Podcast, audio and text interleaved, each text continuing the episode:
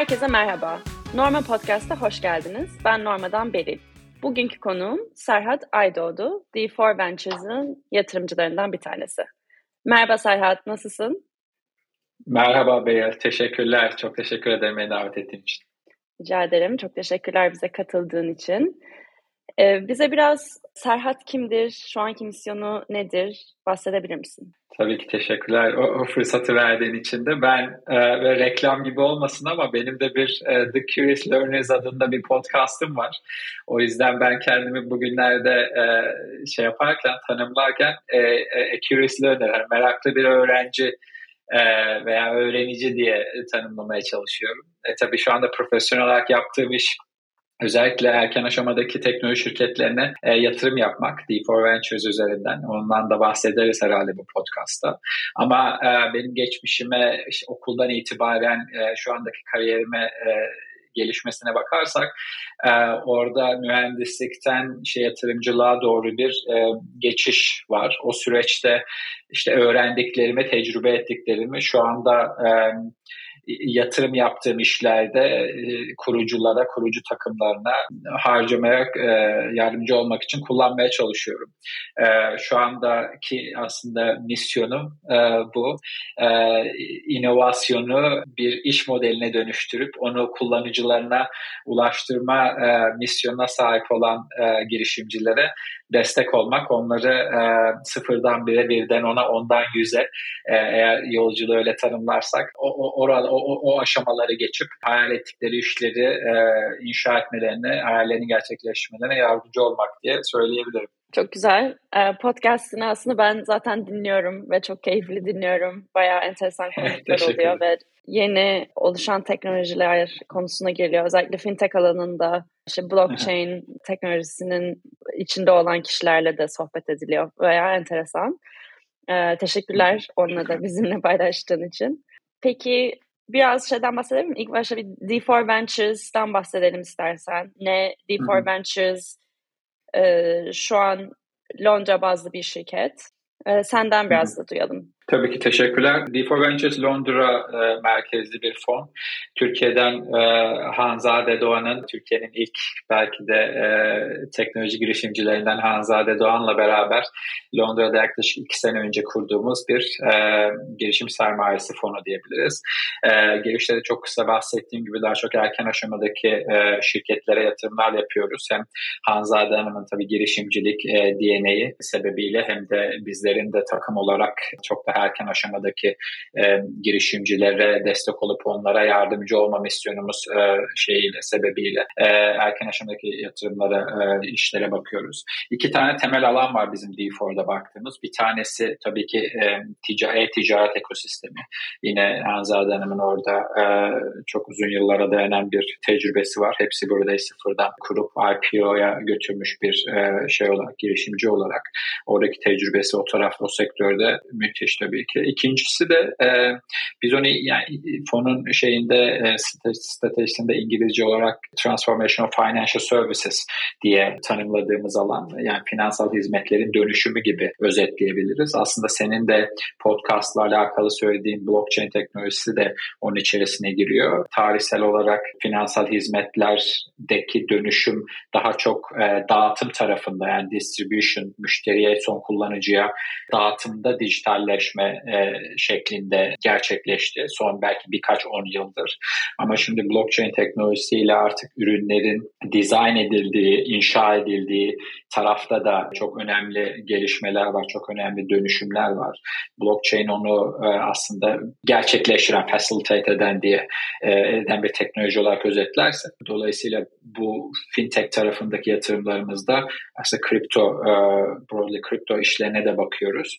Birkaç tane orada da yatırımımız var. Ama iki tane temel alan söylediğim gibi D4 için bir tanesi e-ticaret ekosistemi, ikincisi de hani fintech ekosistemi diye özetleyebiliriz. E, yatırımlarımız e, aslında global bir portfolyoda şu anda. Endonezya'dan Latin Amerika'ya, Amerika Birleşik Devletleri'ne kadar uzanan bir geniş bir coğrafyada portföy şirketlerimiz var. İşte Avrupa'da tabii ki büyük çoğunluğu e, şu andaki portföyümüzün ama Türkiye'de de yatırımlarımız var. Orta Doğu'da da var. Geniş bir coğrafyada ulaşabildiğimiz ölçüde girişimcilere ulaşıp onların hikayelerini dinleyip yatırım yapma e, konusunda e, süreçlere e, devam ediyoruz. Bundan sonrasında da hani yine global bir e, fon olarak devam edeceğiz. O tabii global perspektifi getirmeniz çok değerli çünkü bütün dünyanın farklı yerindeki farklı teknolojilerden e, alıp portfolyo şirketlerine de aslında güzel bir e, birbirine pozitif transfer de yapma fırsatınız da oluyor Aynen. anladığım kadarıyla. Biraz daha Türkiye'nin yatırım ekosisteminden bahsedebilir miyiz? Bizim aslında normal olarak seninle yolumuzun kesişmesi de e, D4 Ventures'da. D4 Ventures e, Norman'ın yatırımcılarından bir tanesi. Hı hı. Bize biraz daha Türkiye'nin yatırım ekosisteminden ee, biz bunu aslında bölüm önce Atilla Köksal'la çok kısaca değinmiştik. Girişimciler hı hı. şirketlerini kurarken ne gibi sermaye tabii ki çok önemli bir faktör oluyor. Ve nerelerden hı hı. E, sermaye bulunabilir? Türkiye'de şu an bir şirket kurmak istiyorsan o opsiyonların ne? Biraz da senin tarafından duyabilirsek bu ekosistemin şu anki olduğu hı hı. durumu e, güzel olur. Tabii ki. Yok ben sen sen de zaten öyle sordun beni. Ben de hani buraya bu soruya girerken şeyi söyleyecektim. Türkiye ekosistemini benden çok daha iyi anlatacak bence başka çok fazla insan vardır ama benim gördüğüm kadarıyla da ben de kendi perspektifimden tabii ki anlatmaya çalışacağım. Ya biz e, Defer olarak Norman'ın yatırımcısıyız. E, çok da e, ümitliyiz Norman'ın geleceğinden. Türkiye'de benim gördüğüm kadarıyla hem derinliği hem büyüklüğü hem de kalitesi yükselen bir ekosistem var. Ee, tabii ki hani uzun vadedeki trendlere baktığınız zaman herhangi bir piyasada işte startupların sayısı, yapılan yatırımların toplam büyüklüğü gibi metrikler daha böyle hani high level'daki metrikler tabii ki artıyor. Onun zaten artmasını beklersiniz. Son 10-15 senede bütün dünyada global olarak parasal genişlemenin olduğu bir ortamda hani risk iştahı yükselen yatırımcı görece daha riskli olan işte girişim sermayesi tarafına kayıyor. Hani o, o, o zaten doğal bir aslında sonucu finansal ekosistemin. Ama benim daha hani kritik olarak bakmaya çalıştığım şey sayılar hacimler, yatırımın büyüklüğü büyüyor ama iş, inşa edilen işlerin kalitesi e, artıyor mu? Onların çözmeye çalıştığı problemler yeterince büyük mü? İşte o işleri kuran girişimcilerin geçmişi e, yapmak istedikleri işlere uygun mu? Oraya adres ediyor mu? E, veya yatırımcılar evet yatırımları yapıyorlar ama ondan sonrasında partner ettikleri, yatırım yaptıkları şirketlere nasıl, ne şekilde, ne kadar yardımcı olabiliyorlar gibi. Ben biraz da onlara aslında e, bakmaya çalışıyorum ve yani bir, herhangi bir ekosistem, herhangi bir piyasayı tanımlarken arz ve talep tarafına bakmak gerekiyor. Aslında bu işte biraz öyle. Yani bir girişimcilik piyasasına, ekosistemine o gözle bakacak olursak benim perspektifimden girişimciler arz tarafını oluşturuyor. Onlar gidiyorlar e, geçmişlerini, tecrübelerini, hayallerini bir işe koyuyorlar. Bir şey build etmeye, inşa etmeye başlıyorlar. Öbür tarafta inşa ettikleri ürünü servis ettikleri müşterileri var. Bunlar ya işte consumer'lar yani son kullanıcılar ya da şirketler olabilir, corporate'lar olabilir. E, bunlar bence talep tarafının bir bacağı, talep tarafının ikinci bacağı da yatırımcılar. Onlar da bu girişimcilere yatırım yapıyorlar. Onların inşa ettikleri işlere e, para koyuyorlar diye. Şimdi Türkiye'de e, baktığınız vakit tabii işte az önce biz D4 anlatırken Anzade Doğan'dan konuştuk. İşte Türkiye'nin ilk teknoloji girişimcilerinden bir tanesi. Çok büyük başarı elde etmiş bir tanesi. Şimdi öyle örnekleri insanlar gördüğü zaman onlar da kendileri de yapabileceklerine inanıyorlar. Yani şimdi çok doğru bir tabir değil ama mesela işte Amerika'da ne var? İşte PayPal mafyası var değil mi? PayPal'ı kuran insanlar evet. gidiyorlar ondan sonra e, benzer alanlarda ya da tamamen farklı bir alanda başka bir şirket kuruyorlar. İngiltere'de işte Revolut mafya var. Şimdi sadece son birkaç ayda belki takip edenler görmüştür. Revolut'tan ayrılıp işte kripto şirketleri kuranlar, enerji şirketleri kuranlar çok büyük turlar hani fundraising turları yaptılar. Hani o onlar tabii ki yani build ettikleri işler, doğru işler. O yüzden e, fundraising yapabiliyorlar ama aynı zamanda bu işin nasıl yapılabildiğini, bir işin sıfırdan bire, birden ona, ondan yüze girişte söylediğim gibi nasıl gittiğini tecrübe ettikleri için çok yakından, çok yoğun bir şekilde bu girişimciler bir sonraki işlerinde bu playbook'u uygulayabiliyorlar. Hem nasıl yapıldığını görüyorlar hem yapabileceklerine inanıyorlar. Bence Türkiye'de de örneğin Peak Games e, hani tabii ki bilenler biliyordur. Oyun ekosistemi Türkiye'de çok güçlü ayrıca ama Peak Games sayesinde biraz da öyle. Onlar işte ilk çıkanlara vesaire ama sonrasında Peak Games'den ayrılıp türlü başka oyun şirketleri kurup yine çok büyük başarılar elde etmiş takımlar var. Onların da hikayesi bence benzer. Yani girişimcilik tarafı yapmışların o yani bu başarıyı elde etmiş şirketlerin içinden çıkıp insanların gelmesiyle aslında bu flywheel dediğimiz hani startup terminolojisinde flywheel dediğimiz konsept bence çok daha güçlenecek. İkinci tarafı yani tüketiciler bir müşterinin, bir son kullanıcının bir ürünü bir defa discover etme, yani keşfetme e, keşfetme yolculuğu var. Değil mi? Yani onu onun önüne, müşterinin önüne ne kadar kolay getirebildiğiniz konusu. Yani en en basit olarak bahsi yani konuşabileceğimiz teknoloji hani bir işte marketplace modeli. E, değil mi? Yani işte ne bileyim Türkiye'de de e-ticaret şirketlerinin hepsi buradan veya diğerlerinin yaptığı gibi e, bu insanların Türkiye'nin herhangi bir yerinden veya şimdi dünyanın herhangi bir yerinden herhangi bir şeyde sektörde ürünleri görüp alabilmesi veya onları evine işte nedir o deliver ettirebilmesi gibi. Yani bu en basitinden zaten çok uzun seneler önce çözülmüş bir problem. Ama e, şeyde de yani şu anda da e, iş girişimciler kurdukları işleri, e, build ettikleri ürünleri müşterilerin önüne ne kadar kolay götürebiliyorlarsa aslında şansları sıfırdan bire gitme şansları o kadar yükseliyor. İşte bunun içerisinde e, sosyal medya üzerinden türlü growth hackinglerle işte pazarlama çalışmaları yapmak da var. E, veya işte build ettiği ürünü en e, az maliyetle fiziksel veya dijital fark etmeksizin en az maliyetle müşterisinin önüne götürmek de var. Ya bu journey, bu yolculuk girişimcilerin yaptığı işleri, e, yapmak istedikleri, build etmek istedikleri işleri başarıya ne kadar kolay, ne kadar e, aslında bariyerleri geçerek götürmelerine yardımcı olan bir dinamik. Yani teknoloji geliştikçe müşterilerin o ürüne ulaşımı kolaylaşıyor, ucuzlaşıyor. Böylelikle girişimlerin şansı artıyor. Üçüncü tarafta da tabii yatırımcılar var. İşte zaten hani az önce de söylediğim gibi bir makroekonomik olarak şey dünya değiştikçe e, insanlar daha riskli asetlere, risk iştahları arttığı için riskli asetlere yatırım yapar oldular. Oraya olan alokasyon, paranın alokasyonu arttı son belki 10-12 senedir financial, e, finansal krizden bu yana 2008-2009'dan beri. O yani tabii ki kazançları hani, daha yüksek olacağı için o, o, e, evet. private kaymasan Aynen evet ama zaten ilk etapta bu iş hani tanımı gereği e, riskli bir yatırım olduğu için yani siz alıyorsunuz daha ürün yokken belki veya ürün var ama müşteri yokken müşteri var ama para kazanmazken bu işlere yatırımcıların yatırım yapmasını bekliyorsunuz. O hani tanımı gereği riskli bir yatırım ama e, işte paraya ulaşımın kolay olduğu makroekonomik durumlarda o riskli yatırım iştahı artıyor. Son 10-15 senede olduğu gibi. Mesela şu anda son 6 aydır bütün dünyadaki işte Merkez Bankası, Merkez Bankalarının e, şeyleri e, interest rate'leri arttırması sebebiyle o şeyin risk iştahının e, çok kısa vadede bile azaldığını görüyoruz. Şu anda galiba bu şeyde de podcast'ta da yine konuşacağız biraz bazı iş modelleri, bazı startuplar para rez etmekte zorlanıyorlar o sebeple. Ama Türkiye özelinde bence Türkiye'de bu e, girişim sermayesi sektörü daha önce çok derin olarak e, discover edilmediği için e, hacmi henüz büyüyor ve insanlar birçok insan, birçok yatırımcı bunu yeni keşfediyor. Yine onlar da işte bu başarı hikayelerini görüyorlar. İşte 5 sene önce şuraya yatırım yapmıştık, şöyle olmuştu diye senin söylediğin gibi.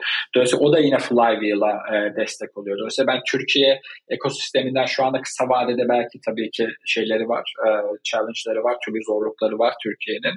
E, ama orta ve uzun vadede e, çok başarılı olacağını düşünüyorum e, gelişim sermayesi Peki, tarafından. Tabii ki VC'ler kendi aralarında da tanışıyorlar, bir networkleri var vesaire. Bu dediğin konuda e, sence genel olarak, gerçi tabii ki herkesin e, fikri farklı olabilir. Hani sen Türkiye'nin e, den umutluyum e, bu girişimci e, piyasasından dedin. Peki diğer VC'lerin, yabancı VC'lerin e, biraz konuştuğun kişilerin Türkiye'ye bakış açısından da bahsedebilir misin? Ya evet, yani şimdi orada çok naif olmamak lazım. Kimi e, uluslararası yatırımcılar Türkiye'yi bir hani coğrafya olarak, ülke olarak yatırım yapmak için tercih etmeyebiliyorlar. Hani işe, işin ne olduğuna bakmaksızın. Hani biz Türkiye'ye, hani ben türlü introlar için konuştuğumda insanlar için veya şu işler, bu işler diye biz Türkiye'ye yatırım şu an için yapmıyoruz diye söyleyenler var. Hani bunu reddetmek tabii ki mümkün değil. Ama bir aşama daha aşağı yani bir layer daha aşağı gidip Tamam o risk var. Türkiye işte bir ülke olarak bir bir ülke riski var. Ama onu bir kenara koyup hala daha işe bakmak için zaman harcayanlar görecekler ki işte hem takımlar tarafında işte Türkiye'de çok sağlam işte mühendisler yetişiyor, iş insanları yetişiyor, takımlar çok güçlü. Onu görebiliyorlar. İkincisi ürüne tabii bağlı olarak, ürünün ne olduğuna bağlı olarak Türkiye'de işte 85 milyon kişi mi şu anda? 85 milyon nüfus var. Genç nüfus yüksek. İnsanların işte digital e, dijital ürünlere olan adoption'ı e, yüksek. Onları kullanma, deneme oranları yüksek. İşte sosyal medyada kimisi diğer tarafına bakabilir ama harcadığı zaman şey uzun vesaire yani demand talep tarafında işin ne olduğuna bağlı olmaksızın yani bir consumer işi ise son kullanıcı işi ise aslında görecekler ki talep çok güçlü. Eğer doğru bir iş modeli, doğru bir ürünle piyasaya gidilirse. Tabii ondan sonraki aşama birazcık şey aşaması. Yani bu iş e, yine iş detayında bakarken yatırımcıların baktığı bu iş ne kadar Türkiye spesifik bir iş veya herhangi bir başka bir ülkeye bakarken ne kadarı portable. Yani ne kadarı tutup sen bu e, ürünü Türkiye'den çıkarıp işte batıya, Avrupa'ya veya doğuya biraz daha işte Middle East, Asya'ya götürebilirsin gibi ona bakmaya çalışıyorlar. Yani eninde sonunda girişim sermayesi o, o aşamada girdikten sonra çok büyük returnleri çok büyük dönü, geri dönüşleri görebildiğin, görmek istediğin ya da bir şey asset class. Dolayısıyla uluslararası yatırımcının bakışı birazcık öyle. E, dediğim gibi hani o under the hood diyoruz ya under the hood'da hani Türkiye riski bir kenara bakıp işe ve dinamiklere bakanlar aslında hala daha o şeyi karar mekanizmalarında şeyi inşa edebiliyorlar kendi taraflarında. Pozitif e, görüşü Türkiye'deki işlerle alakalı build edebiliyorlar. Ama tabii ki daha böyle başka coğrafyalara fokus olan yatırımcılar da Türkiye'yi şu an için değerlendirmediklerini ben tabii ki biliyorum birebir olarak. Aslında burada pazarın büyüklüğü, e, İngilizce Total Addressable Market, e, TAMSAM son olayları var. Orada hani Türkiye'de biraz şeyi göstermek daha değerli oluyor sanırım. E, o senin Total Addressable Market'in ne ve Türkiye'nin dışına da çıkabiliyor mu gösterebilmek değerli oluyor. Aynen öyle. E tabii ki yani sonuçta siz çok büyük bir bu iş 10x, 100x, 1000x değil mi? Yani hani valuation olarak değil ama hacim olarak olduğu noktadan oralara doğru gitmesini underwrite etmek istiyorsunuz yatırımcı olarak. Tabii ki onun hani expected value'su daha düşük olacak. E, iş, e, işin sonuçta return'ü e, daha modest bir seviyeye gelecek ayrı konu. Ama Türkiye'den dışarıya gidebilir mi gidemez mi? E, Türkiye özelinde yatırımcıların aynen baktığı şeylerden, kriterlerden bir tanesi. Peki onun dışında e, genel olarak sen ya siz önünüze bir yatırım fırsatı çıktığında vesaire nasıl değerlendiriyorsunuz? Çok az tabii ki bir önceki cevabına e, değindin ama ne faktörler önem kazanıyor? Biraz ondan da bahsedebilir misin? Ben orada aynen Beylo çok doğru bir soru. Ben orada e, belki biraz e, çok strict bir view ama hep aynı şeyi söylüyorum. İşte bu şey terminolojisinde sıfırdan bir, birden ondan yüz. Yani bir işi kurmak için de bence takım, büyütmek için product market fit, te götürmek için, para kazanmaya başlamak için de bence takım. Daha sonra götürüp ne bileyim işte IPO yoluyla veya M&A yoluyla e, exit etmek için de bence en önemli etmen her aşamada takım. Özellikle sıfırdan bire giderken çok kısıtlı tabii ki kaynaklarım var hem para hem takım olarak. O, o, o takımın, o kurucunun, girişimcinin vereceği her karar aslında şirketin geleceğiyle alakalı çok kritik. Sen fark etsen de fark etmesen de en basit yani day to day yani günlük görünen kararlar bile aslında çok basit. Para aslında çok önemli. E, dolayısıyla takım var ama diğeri de tabii ki hani bir DD işte yani due diligence checklist tipik olarak baktığımız senin de söylediğin şimdi market ne kadar büyük? Bu markete, bu iş modeli ne kadar uygun. Yani market'taki hani sadece market ne kadar büyük aslında çok snapshot, çok statik bir görüş ya. Yani ben mesela şimdi çok basit bir örnek olarak verirsek Apple telefon, iPhone çıktığında hani market size işte nasıl fiyatlıyorsun, nasıl görüyorsun market size'ı? İşte unit sold, ne kadar telefon sattın ve her telefonu ne kadar, hani her telefonu kaç paraya sattın diye, her telefonun fiyatı nedir diye. Şimdi o zamanki şeye bakarsan, e, işte Nokia o zamanın lideri ama onun Nokia'nın price point'i Apple'ın çok kısa süre sonra e, erişebileceği price point'in çok altında. Yani Apple o işe girerken ki market size aslında iki sene sonraki market size'ın belki de yarısı, belki de daha da azı. Anlatabiliyor muyum? Yani market da dynamic nereye gidiyor? Yani insanların bir hani market ne kadar büyüyor hacim olarak ama bir de insanların willingness to pay'i nedir? Yani senin hitap ettiğin, hedeflediğin kullanıcıların e, senin ürünün için ödeme isteği nedir diye bu şeyde çok kritik bir konu. Ben onu özellikle bu sırada erken aşamadaki girişimcilerle çok konuşuyorum. Yani biz product market fit konsepti var değil mi? Hepimizin bildiği ama daha da kritiği bence product market pricing fit. Çünkü siz eğer inovasyondan, inşa ettiğiniz inovasyonunuzdan, ürününüzden para kazanamıyorsanız e, tabii ki de o yani sustainable, sürdürülebilir bir e, iş modeli olmuyor. Bir noktada işte her ne kadar erken aşamada işte girişim sermayesiyle fonladınız, e, bir işte başka bir şekilde kaynak buldunuz, debt raise ettiniz vesaire ama iş sustainable olarak unit economics çalışmıyorsa iş bir noktada kapatmak zorunda kalıyor diye. Dolayısıyla o erken aşamada özellikle biz bakarken o, o oraya çok bakıyoruz. Yani product market fit ve product market pricing fit. İşte tabii ki her her işte de çok küçük bir sample size olduğu için yani iş daha product yeni çıkmış veya 5, 10, 50 user var henüz. Dolayısıyla o hani geleceği görebilmek, onu extrapolate edebilmek çok mümkün değil.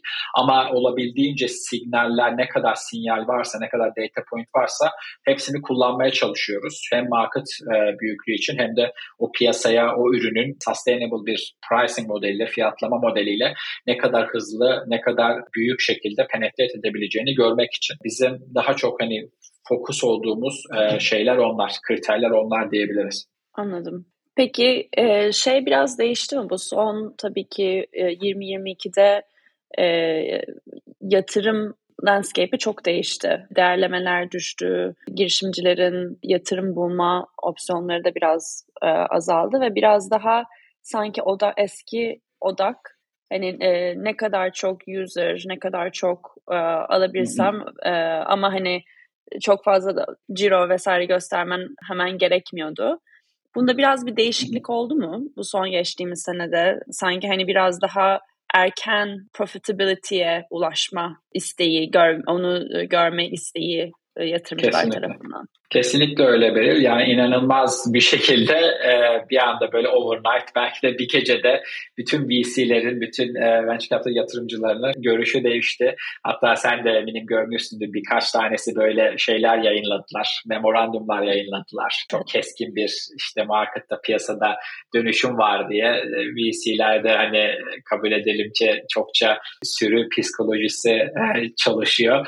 E, işte herkes bir anda birbirine e, evet market çok piyasa çok kötü demeye başladı. Öyle olunca e, işte bir anda unit economics, unit economics işlerin işte profitability senin de dediğin gibi herkesin hani herkes için en büyük fokus alanı olmaya başladı. Geçen sene growth at all, all, all costs yani hani ne pahasına olursa olsun büyü tavsiyesi veren işte ne bileyim yönetim kurulu üyeleri veya yatırımcılar şimdi hani ne zaman karlılığa ulaşacaksın, hangi şeyleri e, driverları, hangi leverları kullanarak buna ulaşabilirsin diye o, o, o konuda sıkıştırmaya başladılar girişimcileri. Çok e, keskin bir dönüşüm var gerçekten. Bunun tabii ki hani bu böyle kendi kendine olan bir şey değil. Public market'taki şeyler, e, değerlemelerin düşmesi aslında oradan aşağı kadar ilk önce geç aşamadaki özel hani private market'taki girişimler oradan da erken aşamadaki private market girişimlere kadar aşağı doğru aslında geliyor. Bundan sadece 3 ay önce belki 4 ay önce Seed B, işte Series A e, terminoloji, hani startup terminolojisiyle o roundlardaki şeyler hala daha çok kolaylıkla tamamlanırken aslında şimdi daha erken aşamadaki işler de zorlanıyorlar para raise etmekte. Ve tabii ki onun giriş yani girişim yani zorlanıyor olmalarının sebebi işin bir anda iyi veya kötü hale gelmesi değil tabii ki. Sonuçta siz yatırımcı olarak baktığınız şey, underwrite etmeye çalıştığınız yolculuk bir işin işi nasıl build ederler? Yani bu takım bu işi bu markette yapabilir mi, execute edebilir mi sorusuna cevap arıyorsunuz. Ama onu cevap ona cevap ararken de tabii o yolculukta o girişimciye sizin arkanızdan işte siz erken aşamada yatırım yapıyorsunuz. Sizin arkanızdan daha sonraki turlarda işte Series A, B, C neyse yatırım yapacak insanların da geliyor olması lazım. Birazcık da sizin onu underwrite edebiliyor olmanız lazım. Ve o, orada bakarken de şimdi özellikle public market'taki valuation'lar işte çok düştü ve Series B, C daha geç aşamadaki şirketler çok zor fundraise ettikleri için veya geçen sene 2021'deki market'ın peak yaptığı dönemdeki değerlemelere göre neredeyse yarıya varan e, discountlar, e, valuation e, şeyleri, katları olduğu için siz daha temkinli erken aşama yatırımcısı olarak e, daha temkinli davranıyorsunuz. Ya hani çok küçük value, küçük değerlemelerden girmek istiyorsunuz. O riski mitigate edebilmek için, minimize edebilmek için ya da aslında yapmamayı tercih ediyorsunuz. Eğer iş özellikle iş çok size en erken aşamada profitability'ye, sustain yani sürdürülebilir bir yapıya gidecek bir şeyi e, neyi patı göstermiyorsa. Anlatabiliyor muyum? Yani şimdi şey görüşü erken aşamadaki yatırımcılarda artık yok okey hani profitability bu şu an bu şu anda aşama seed aşamasında zaten problem değil. Bir noktada onu çözerler.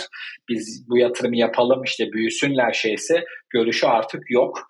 O profitability'ye tabii ki seed aşamasında kimse beklemiyor e, karlılığa geçmesini ama en azından karlılığa geçecek yolculuğu ne zaman hangi hani e, şeyleri e, işin hangi bileşenlerini kullanarak e, karlılığa geçebilir görmek istiyor erken aşamadaki yatırımcı. Çok keskin bir dönüş. O yüzden geçen seneye göre belki de yani 6-8 ay öncesine göre e, piyasada var şu anda evet.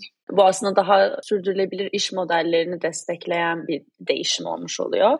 Sence böyle devam eder mi ya da sen bunu daha poz- aslında pozitif bir değişim olarak mı görüyorsun? Aynen. Yo, çok çok doğru söylüyorsun. Yani ben yani yatırımcı olarak işe zaten tek taraflı bakacak olursak değerlemelerin düşmesi sadece ona çok kabaca bakacak olursak yatırımcı için pozitif. Ama onun dışında buna bir ekosistem olarak bakarsak az önce hani girişte de söyledik yani üç bacağı işte girişimci, müşteriler, yatırımcılar diye bu işin herhangi bir işin çok kolay, çok yüksek değerlemeden para raise ediyor olması aslında bu ekosistemin bütün şeyleri için, bütün bileşenleri için bariyerleri sıfıra indiriyor demek. Çok düşürüyor. O bariyerler düştükçe de aslında ekosistemin içerisindeki yine şeylerin, insanların, paydaşların diyelim kalitesi azalabiliyor. Yani hani bunu söylemek zorundayız. Yani şimdi insanlar çok kolay para raise edildiğini görmek için ben geçen sene özellikle kripto tarafında hani sen de takip ediyorsun.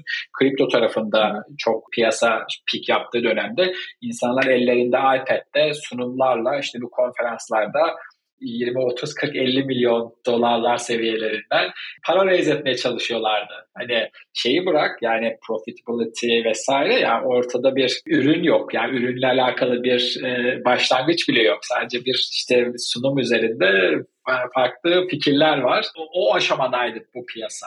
Şimdi o piyasa böyle bir piyasada olmak istemezsin. Yani ben yatırımcı olarak tabii ki olmak istemem ama girişimci de iyi girişimciler yani gerçekten e, sürdürülebilir bir iş modelini hayal eden, onu execute etmeye giriş etmeye çalışan girişimciler de işte yanlarında hani iPad'de hiçbir çalışma olmaksa arkasında bir fundamental bir temel olmaksızın 20 30 40 50 milyon dolar para etmeye çalışan insanlarla aynı hani aynı ortamda, aynı şeyde pool'da, aynı havuzda olmak istemiyorlar eminim. Dolayısıyla bence buradaki şey fokusu daha sürdürülebilir işte business model, iş modellerine olan fokus yani uzun vadede herkes için faydalı. Kısa vadede tabii ki işte ne bileyim belki bir sene önce tip bir işe yatırım yapmış olan yatırımcı hurt olacak veya girişimci işini kaybetmiş olacak. Ama e, ne dediğim gibi uzun vadede bütün bu ekosistemin gelişmesi için hem sayıların, hacimlerin artarken hem de kalitesinin artması için bence faydalı. Evet, daha sağlıklı bir ekosistem aslında oluşmuş oluyor. Peki biraz da aslında fintech sektöründen bahsedelim. Dedin ki D4 Ventures'ın aslında odaklandığı alanlardan bir tanesi Transformation of Financial Services. Um, bu alanda peki seni heyecanlandıran e, inovasyonlar nedir? E, şu anki e, trendler nedir? Biraz da kısaca ondan bahsedebilir misin? Tabii. Yani evet şeyde e, herhangi bir sektörde aslında B2C veya B2B fark etmeksizin kullanıcılar seamless bir kullanıcı deneyimi istiyorlar. Değil mi? Yani istedikleri ürüne end to end ulaşmak istiyorlar. Ödemesini oradan yapmak istiyorlar veya krediye ulaşmak istiyorlarsa bulundukları platformdan ulaşmak istiyorlar vesaire. Yani biz işte yakın zamanda embedded finance, işte gömülü finans diye belki çevirebiliriz. Embedded finance işine çok fazla zaman harcadık. Orada da bir tane Almanya'da Banksware diye e, bir şirkete yatırım yaptık. Onların teasisi şuydu. İşte bu e, e-commerce şirketlerindeki, e-commerce platformlarındaki merchantlar, satıcıların işte türlü sebeplerle krediye ihtiyaçları var. Değil mi? bu sırada kredi benim gözümde hem bireysel kurulu hem tüketiciler için, individuallar için, insanlar için hem de şirketler için bence en kritik finansal hizmetler ürünü. Onu hiçbir şey değiştiremez. Bu kripto dünyasında da öyle, DeFi'de de öyle, traditional, geleneksel finansta da öyle. Ee, buradaki şeyler, satıcılar işte Tabii kimisi çok küçük satıcılar bankayla böyle bir profesyonel bir iş e, şeyleri yok, ilişkileri yok. Dolayısıyla krediye ulaşmakta e, zorlanıyorlar. E, Banksware'in yaptığı iş nedir? Onlar bu şirketlere kullandıkları bu işte e-ticaret sitesinde kullandıkları dashboard üzerinden e, arkada backend'de gömülü olmak üzere loan e, verebiliyorlar. Niye verebiliyorlar onu? Çünkü e, bütün transaction'ları an be an bu sitede gerçekleşen transaction'ları görebiliyorlar. Open banking, açık bankacılık üzerinden işte banka hesaplarına direkt aksesleri var ve an be an yani canlı olarak gerçek zamanlı bütün bu satıcıları fiyat risklerini esas edebiliyorlar, değerlendirebiliyorlar ve bir e, fiyatlama yapabiliyorlar ver, verebilecekleri loan için. Dolayısıyla bu satıcı herhangi bir alan, herhangi bir anda böyle bir krediye ihtiyacı olduğunda zaten önündeki dashboardda e, şu kadar krediniz hazır gibi bir şeyle karşılaşıyor ve işte krediye ulaşması da 15 dakika, yarım saat diyelim ki. E, şimdi böyle bir servis hem müşterilerin hayatında hem de e, şirketlerin işte bu örnekte merchantların, satıcıların hayatında müthiş bir experience. Çünkü bunun alternatifi ne, nedir? Neydi veya? işte o platformda tabii ki böyle bir servis yok. Çıkacak işte bankaya gidecek. Çok manuel proses süreçlerin olduğu bir başvuru sürecine girecek. E, haftalarca döküman e, şeyse e, şu döküman lazım, bu döküman lazım diye bankayla o back and forth yapacak. Sonunda da ya hani e, şeyini alabilecek kredisini ya da reddedilecek e, for some hani bir sebepten ama hani o sebepte nedir çok bilmeyecek diye. Dolayısıyla bu, bu yani traditional olarak traditional finansta, geleneksel finansta böyle bir ürün bizi e, çok heyecanlandırıyor. Çok böyle en hani en attractive, en fancy ürün değil bu. Ama bizim için öyle. Ve şu anda da şeyin de hani biz transformation, finansal hizmetlerin dönüşümü diye koyduğumuz yerde de hani şeyin yani bu blockchain'in benim için en büyük inovasyonu o. Yani bu finansal hizmetleri dünyanın herhangi bir yerindeki herhangi bir kişiye en az maliyetle en kısa sürede götürme fırsatı. Dolayısıyla ben orada işte bizim de hani DeFi tarafında da işte birkaç tane yatırımımız var. Orada back etmek istediğimiz, desteklemek istediğimiz işler veya girişimciler bu alana fokus olan girişimciler.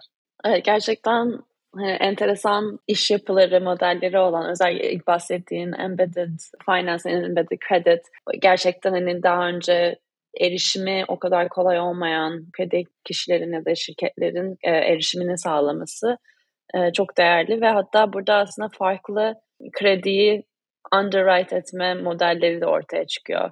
Biz de işte e, bakıyoruz, araştırıyoruz tabii ki e, kendi alanımıza da biraz girdiği için bu alanda neler oluyor ve nasıl bu credit underwriting çok orijinal şeyler çıkmaya başladı. Ee, işte evet. daha önce kredi geçmiş olmayan kişileri nasıl kredi verilebilir vesaire gibi o alanlar gerçekten enteresan. Ee, bu blockchain evet, zaten. Ya or, aynen öyle. Hı-hı. Blockchain onu onu onu enable edebiliyor. Ee, ama zaten blockchain'e bile gelmeden önce işte Türkiye'de de bu sayı galiba 15-20 milyon yani unbanked hani dünyada 1.4 milyar bu sırada en son World Bank'in açıkladığı rakamlara göre 1.4 milyar unbanked, underbanked e, insan var. Bunların tabii by definition dedi, tanımı gereği zaten bankayla ilişkisi olmadığı için kredi aksesi yok, sıfır. Ama baktığın zaman da bu insanlar e, görece işte low income, düşük gelirli ülkelerde ve o ülkelerin de aslında düşük gelirli, daha da düşük gelirli kısımlarında e, oturuyorlar. O insanların problemlerini tabii ki bütün global bir ölçekte çözmek mümkün değil. Hala daha finansal hizmetler çok lokal çalışan hizmetler. Blockchain'in buradaki bu sırada bir şeyi de hani benim beni çok heyecanlandıran bir tarafı da bu çok lokal çalışan işte regülasyon sebebiyle para transferinin e, yüksek maliyetli olması sebebiyle çok zaman tutması sebebiyle vesaire çok lokal çalışan finansal hizmetleri aslında globale taşıma potansiyeli sebebiyle de e, ben blockchain'e çok yakından hani bakıyorum, çalışıyoruz e, ve yatırım yapıyoruz. Ama yani insanların hem bireylerin hem şirketlerin finansal hizmetleri olan ihtiyacını çok dramatik bir şekilde maliyetini, zamanını değiştirerek e, şey yapan e, ürünler, hizmetler var. Biz onları çok yakından dediğim gibi sen de söyledin. E, en çok zamanı orada harcıyoruz e, diyebilirim. Süper. Çok teşekkürler e, bu keyifli sohbet için. E, podcastimizin sonuna ben geliyoruz. Son olarak Türk girişimcilere tüyo vermen gerekirse kendi işini başlatan kişilere e, bu ne olurdu? Ben ben biraz e, çok teşekkürler bir, bir defa beni davet ettiğin için ben de çok keyif aldım. E, Türk girişimcilere veya hani global girişimcilere benim tavsiyem gerçekten de olabildiğince en erken aşamada product market fit Tin'in üzerine product market pricing fit'i anlamaya çalışsınlar. Çünkü gerçekten o işleri kurmak istedikleri işlerinin sürdürülebilir bir yapı olup olmadığının sinyalini onlara verecektir. Yani gitsinler müşterileriyle e, konuşmaya çalışsınlar veya müşteri adaylarıyla, destekli müşterilerle konuşmaya çalışsınlar. Onların willingness to pay diyelim, e, ödemeye olan hani şeyse heveslerini ölçmeye çalışsınlar. O çok kritik gerçekten. E, daha böyle mekanik mekanik bir cevap ama onun dışında e, yani eminim hani ben çok heyecanlanıyorum gerçekten Türkiye ekosisteminden konuşurken. Çok güçlü e, yetenek var Türkiye'de. E, yapabileceklerine zaten inanıyorlar. E, umarım hepsi e, çok başarılı olur. Öyle kapatabilirim. Süper. Teşekkürler. Norma Podcast'ı dinlemeye devam edin. Yeni nesil finansal çözümlerle kalın.